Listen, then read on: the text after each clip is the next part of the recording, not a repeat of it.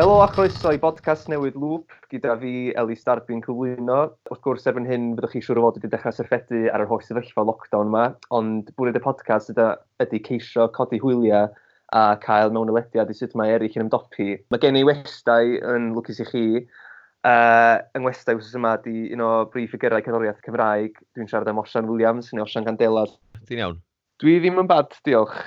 So'r cwestiwn cyntaf, sut ti'n ymdopi? Dwi'n yn bad erbyn wwan, ond rhaid fi ddweud, o'n i'n stryglo ar y dechrau, de. Ie, dros y tri diwrnod cyntaf, pan o'n i'n gorfod mynd i gloi'n hynna yn y tŷ. Nes i stryglo, di gwir, efo'r diwrnodau yna, o bod, bod yn gigs i, i gyd, fatha, o wan, tan diwedd yr had, cael ei canslo. Ond eto, dwi'n mwyn cofio, 30 i 40 gig o gennau. A ie, dyna'n mynd i sylwi gymaint o, fatha, faint o les oedd gigio yn gwneud i fi, dwi'n meddwl, a faint yn amlwg dwi'n mwynhau nhw. Um, Ond ie, hebddyn nhw, o'n i reit ar goll. Ond ie, mae pethau wedi setlo erbyn nhw, a ie, dwi'n mwyn bad erbyn nhw, diolch ti. Ie, yeah, swn i'n feddwl, wrth gwrs, ti di arfer gwneud cannoedd nhw'n erbyn hyn, siwr o fod. Mae o'n rhan o system dy flwyddyn, di, swn i'n meddwl erbyn hyn. Ac wrth gwrs, ti'n neud o fel swydd hefyd, felly mae'n reit trwysiedig ar y funud. Rwy'n eisiau gofyn, be di sefyllfa di lle wyt ti ac efo pwy o falle?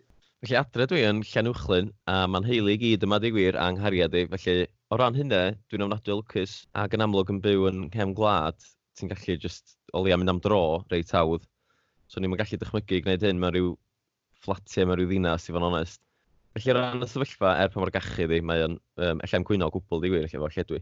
Ie, yeah, dwi'n falch bod fi'n byw nôl yn fel un heli ar y funud, achos nes i symud nôl o Manceinion rhyw blwyddyn yn ôl, a sy'n ni gymaint gwell gen i fod yn yma mewn, yn y fath sefyllfa, de o ran yeah, awyr iach a o, mo, cael teulu yn agos a felly. So, ia, yeah, dwi'n hynod ddiolchgar o hynna.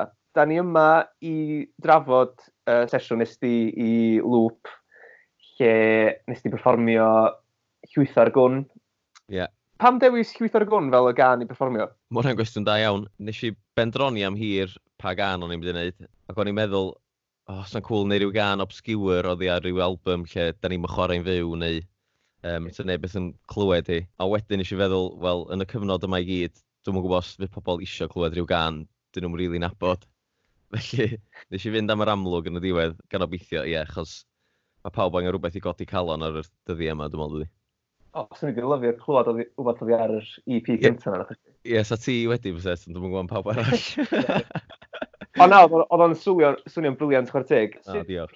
Sut nes ti recordio? Dwi'n gael, dwi'n deud yn y fideo mae gen ti studio. Ie, yeah, peth arall, dwi'n lwcus ond o fod i gwir yn adre, a dwi'n meddwl rheswm mawr pan bod fi dal yn byw adre, di achos mae gen i garage, a wedyn mae di troi fewn i studio eitha safonol, de. Felly, ie, yeah, just stafell, sgwar, mae gen i offer recordio recordio'r eitha yma, a fa ma, mae'n offer yna i gyd, mae'n elai. Ie, yeah, felly fa ma'n eisiau recordio yn y studio adre a mae wedi cael ymateb da chwr teg ni'n gweld yn cael ei rannu gan lot o bobl. I bobl sydd eich heb glwad i, mae ar gael ar Twitter a Facebook lŵp, ond hefyd dwi'n meddwl uh, bellach mae'r gael ar hans. Yn, uh, yn y fideo, y cyflwyniad yn eithio honno fo, is i sôn bach am y cemdir. Bod nes i hmm. sgwennu fo yn yr union lle oedd chi'n ista falle. Pwy yeah. oedd y tonada sian sgwennu'r gan, neu pwy, pwy, ar bwy ti'n gwrando ar y pryd pam uh, nes ti sgwennu'r gan yna? Ww, mae hwnna'n gwestiwn da, achos dydy'r, ie, yeah, mae'r ganau lot fwy popi wrach a funky na rhan fwyaf o stwff candelas, felly i fod yn onest, dwi'n gwybod lle ddod ysbrydoliaeth y gan yna. Ond ar y pryd, oh, dwi, ie, da ni wedi dweud hyn ganwaith o blaen, ond ti'n gwybod tyfu fyny yn yr mewn band, ti'n mynd yn holl, wel, oedden ni e yn mynd yn hollol obsessed efo bandiau, a mond nhw, oedden ni'n gwrando ar efo, felly, ie, yn y cyfnod yna o ran, oedden ni'n chweched ac yn mynd fewn i blynyddoedd cyntaf coleg typ o beth, felly athyn ni'n hollol obsessed efo Kings of Leon a Team Monkeys a Biffy Clyro, y tri band yna oedd yn dylanwadyn i gyd. A wedyn, ie, yeah, dwi ddim yn gwybod o lle ddoth y steil Cwythor Gwn o gwbl di gwir. As in, mae'r gan yn huge erbyn hyn o ran pam, pam o'n i'n clywed anifal i gloi gigs, o, pam nes i Ie, yeah, pan, pan fes i ddechrau mynd i gigs gynta oedd hi'n tua 2013 ac oeddech chi'n masif y flwyddyn yna yn benodol, dwi'n cofio.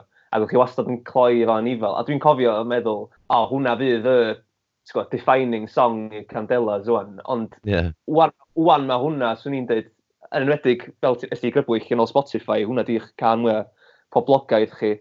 A dwi'n gwybod hwnna allan gwestiwn rhy cliché i ofyn, ond oeddech chi'n disgwyl o, o ran pan fyddwch chi'n recordio fo, neu pan ti'n sgwennu fo? Na, o, pan ti'n sgwennu fo ac recordio fo, sgan ti'n syniad o ran, achos mae o just ti a gweddill y band, ti'n gwybod fel mewn stafell efo'ch gilydd, ac ti'n recordio can, a dyna ni, a wedyn ti'n gorfod disgwyl misoedd wedyn tan mynd i allan ar radio, felly. Na, pan ti'n, pan athyn ni sgwennu hi, do gen ni'n syniad, ond un peth, wel, dwi'n meddwl sydd yn gwneud y gan ydy bod gennym ni alus arni wrth gwrs. Wrth gwrs, um, yeah. Felly mae hwnna well, mae gen i di lot fwy difyr ac yn am, ie, yeah, dwi'n meddwl bod i llaisu, mae yn hollol insane, ond wedyn, ti jyst yn clywed o drwy'r gan, a wedyn erbyn yr ddwy gitgan ola, dwi'n cofio pan nath ni'n recordio hi, nes i ag Ifan fynd i tŷ Alice i recordio hi'n canu. A dwi'n cofio ni'n da yn eistedd tra oedd hi'n, dwi'n gwybod, nath o gymaint o dau te cwrach, a wedyn y ddwy yeah. gitgan ola pan mae hi'n mynd fyny. Nath ni'n da yn sbio yn gilydd ac, wel, ie, oedden ni'n gwybod bod gen i gan dda adeg yna, mae'n siŵr, ond ie, doedden ni'n disgwyl fynd fo, mor fawr o bosib. Ie, yeah, briliant. Felly, wrth gwrs, ys i grybwyll hifan am yna, sef gitarist Candelas. Da chi, wrth gwrs, yn gweithio ddech gilydd fel rhan o sefydliad drwm. Sut mae'r cwmni drwm wedi cael ei effeithio yn yr amgylchiadau yma? Ie, yeah, wrth gwrs, da ni wedi gorfod, felly, cwmni drwm, nath ni gychwyn, be, ta tair blynedd yn ôl. Um, Felly, dwi'n ffrindiau da o Ifan ers blynyddoedd, a da ni'n da efo diddordeb mawr o ran recordio. Felly, oedd gen ni studio yn llan llyfni, a wedyn, ers chydig o fisoedd, da ni wedi symud i studio sain. Ond, ie, wrth gwrs, oedden ni'n gorfod cael y studio achos hyn i gyd. Felly, ie, o ran drwm, mae gennym ni cwpl o uh, waith mixio albums mae ei fwrthi'n gwneud hynny. E. Dwi angen adio chydig o ffyrnau ar ie, album rhywun arall. Ond wedyn, ie, yeah, mewn rhyw bythefnos, uh, mis, dwi'n meddwl fe gen ni ddim gwaith yn dy fewn, de. Sy'n reith drist. Just gobeithio mae gorau reith yr lockdown mae ben cyn gyntaf y posib. Ond, yn um, union, ie. Yeah. Felly, ia, dwi'n dymuno lwcus chi efo um, be bynnag y ddaw efo hwn. Mae'n gyfnod o ansicrwydd ofnadwy, sneb hmm. rili'n gwybod sut i ymdrin o a beth sydd i ddod a felly, felly ie, mae'n gallu bod yn adag reit rhywchus. Wbath fwy, efallai perthnasol, swn i'n licio holi chdi amdan, oedd y ffaith bod dy frawd yng nghyfraith di yn gweithio yn Ysbyty Gwynedd. Yndi, ie, yeah, na ti, yndi, cynon, yndi. Ie, yeah, beth be, be yw swydd o'n union? Doctor di o, felly mae o dal yn ei flynyddoedd o ran training, dwi'n meddwl, dwi'n cweith yn dall y system doctors, ond ie, yeah, mae wedi bod yn treinio ers blynyddoedd, ond ie, yeah, dwi'n mynd ac mae'n gweithio, ond anyway. A wedyn mae o wan nôl ymlaen rhwng i shifft serferol, felly mae o ar yr ward yr henoed, dwi'n meddwl, fel ddydd i ddydd. A wedyn, achos hyn i gyd, mae o... Ie, yeah, dwi'n meddwl bod o fatha newid bob wsos, so mae'n mynd rhwng yr ward yr henoed a ward yr yeah, corona mae gyd. A mae yna reswm mawr pam dwi'n dweud bod gen i ddim lle i gwyno, achos dwi'n clywed gen fo y pethau mae o'n gorfod gwneud ar oriau mae'n gweithio. A mae hyn yn mynd i, yn amlwg yn mynd i ddigwydd am fisoedd eto. A da ni'n mynd i weld o, dyn ni'n, ie, yeah, dyn chwaer i sy'n rhaid gyda fo'n amlwg, dy hi'n mynd i weld, dyn nhw'n mynd i weld ei gilydd am fisoedd, felly... Ie, ie, ie. O ran fi'n fama, nes dyma, sgan i bygwr ôl i gwyno amdano fo, Ie, yeah, swn i fel bod o'n yn sefyllfa fregus ofnadwy ddefo i styried bod yn gweithio fe henoed a'r coronavirus efo'i gilydd. Sgwa y sefyllfa, really. Ond, yndi, um, sicr, yndi. A ia, fel, fel ti'n deud o ran, ia, mae'n ddigon hawdd i fi a chdi a pwy bynnag arall gwyno weithiau, ond wrth gwrs mae gennym ni uh, parch mwyaf i, a'r gwerthorogiad mwyaf i'r nyrsys, doctoriad, pawb sy'n ymwneud efo'r NHS ar y funud. Yn sicr, I... oes, maen nhw gyd angen medal a check o filiwn y bunau un. Wel, ia, gobeithio fyna rhyw newid yn yr ffordd da ni'n... Dwi'n meddwl fydd hwn, pan fydd yr holl afechyd yma drosodd, fydd na pobl yn sbio ar y cyfnod hanes eich o ran pre-corona, post-corona math o beth. Dim, yeah. Dwi ddim cymharu fo efo'r rhyfel, achos mae'n wbeth hollol wahanol, ond yn yr un ffordd, da ni'n trafod digwyddiadau post-war. Ie, ie. yeah. World War II, well, a ei effaith o'r gymdeithas. Gobeithio yn sicr fydd yna newid yn y ffordd efo tali, taliadau a y system NHS. Yn sicr, ie. Ie, gobeithio ar ôl hyn i gyd, fynd ni allan yr ochr orau yn efo, a fydd pawb yn gweld Ie. Mae'n dod o ochr dda allan o bobl hefyd. Ond um, i drafod, i beidio, ti'n go, trafod pethau rhydd ddwys siomser, dwi ti eisiau gofyn i chdi, os yna gerddoriaeth ti ddod ar ganfod Sian hynna'n yn ynysu? Ww, mae'n gwestiwn da. Pwy nes i i'n antryded? O, nes i weld... O, dwi'n gorau sbio yn y ffôn achos dwi'n mynd... Dwi'n cofio beth dwi'n bod yn chwilio amdano fo. Beth yn y boi nes i ffindio? Gweld fideo gen Mark Ronson nes i ar uh, YouTube. O, ie. Um, Dwi'n fan mawr o Mark Ronson, jyst o ran... Mae popeth mae wedi gwneud o ran cynnyrchu, mae'n hollol anhygoel. Um, Neredig, ie, yeah, stwff Amy Winehouse mae wedi gwneud. Dwi'n gwybod bod hwnna'n ddylanwad mawr o ran stwff dwi'n efo blod papur. Dwi wedi bod yn gwneud lot o wrando arno fo. O, oh, Manu Dibango, hwnna di enw'r boi. Dwi wedi bod yn gwrando arno fo. Oedd, ie, yeah, Mark Ronson yn sôn am... Mae gen fo gan, basically mae fatha funk, disco, African type o beth. A wedyn, nath o'n ei can, a wedyn ti'n gwybod y gan Michael Jackson, yr un, um, Mama Se, Mama Sa, Mama Bwsa, Mama Se, Mama Sa. O ne, ond ie, mae wedi cael ei ddylanwadu gen y boi yma, felly... O ie. Yeah. Os ti'n mynd ar ei gan cyntaf ar Spotify, neu di glwed yr union darn yna mewn ffordd. O, gnaf? Ie. Yeah. Dwi'n cymryd, dwi cymryd y cyfle yma i wrando ar ia, unrhyw albums neu artistiad wedi erioed, achos bod gen i amser ar, ar yr wylo am change, bod fi jyst yn gwrando ar album yn eich cyfanrwydd o'n. A yn lle jyst pigo caneuon fatha top playlist, dwi'n trio gwrando ar mwy o albums yn ei cyfanrwydd chi. Ie, ie. Yeah. Nôls ar record efo chi.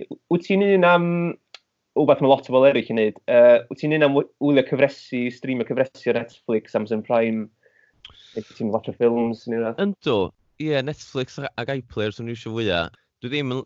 ie, yeah, dwi'n cyn iawn am eistedd flaen teledu, achos dwi'n berson reit aflonydd, mae well gen i fynd i wneud rhywbeth.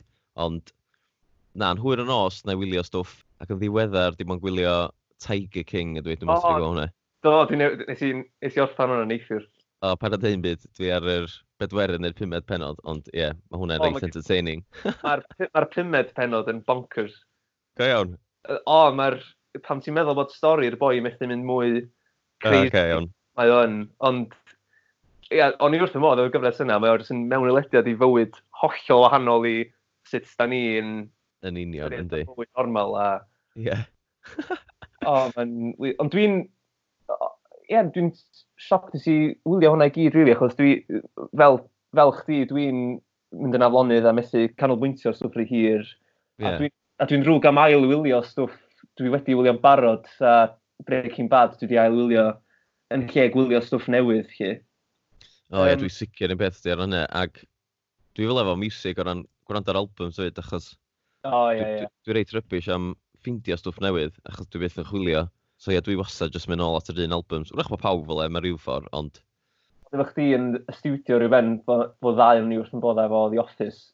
Hwna'n oh, rhywbeth... hollol obsessed. Yeah. Hwna'n gyfres, dwi allai wylio eto, eto, eto, a peidio mynd yn bod yn efo. Yn union, ie. Yeah. Felly dyna dwi'n neud yn aml ydy, os dwi'n eistedd flaen ledu, ie, yeah, swn i'n meddwl, o, oh, beth dwi'n mynd i wylio? A ie, yeah, swn i jyst yn sicio The Office extras neu Come On My Field ymlaen. Ie, ie, mae'n briliant. Um, Gwyr i ddod ar podcast, mae Ben, eisiau gofyn un neu ddau gwestiwn arall i chdi.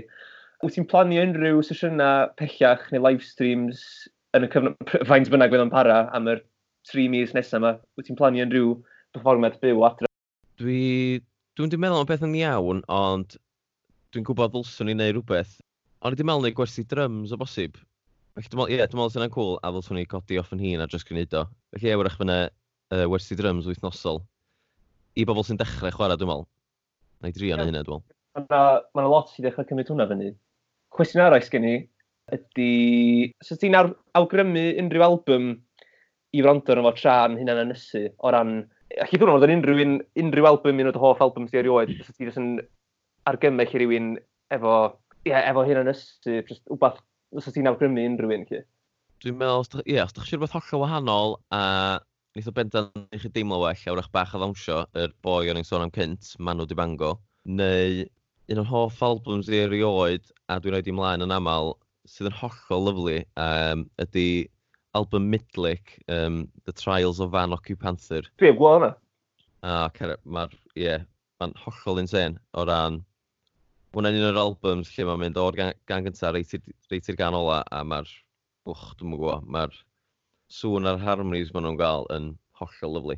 Eith hwnna chilio pawb hmm. allan. O, oh, ideal. Wel, dwi wedi cael dau argymelliad artist. Gen ti rhywun i argymell i fi? Rhywun newydd? O, rhywun newydd? O, artist o'n i, gen i playlist ys i'n neud yn llynedd a dwi wedi neud yn lenni fyd o... Dwi Dwi'n mond sticio caneuon ys i glwad am y tro cyntaf y flwyddyn honno o ran... So, mae gen i ryw 60 o ganeuon o'n i rili really licio o 2019 sy'n glwad a di sticio hwnna mewn playlist. Os yn i siw fel beth i wedi ddarnod blwyddyn yma so far.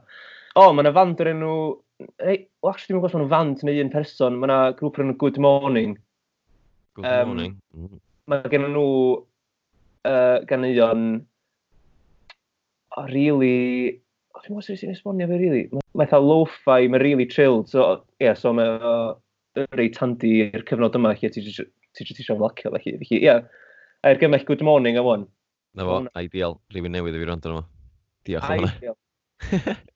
Diolch fawr iawn Nosian am ymuno ni ar y podcast gyntaf yma. Uh, da ni'n dymuno'n dda i chdi, a uh, os o'n i wedi licio chi dweud, wel eich di yn yr haf yn y gigs, ond... Um, Och, ie, yeah, paid.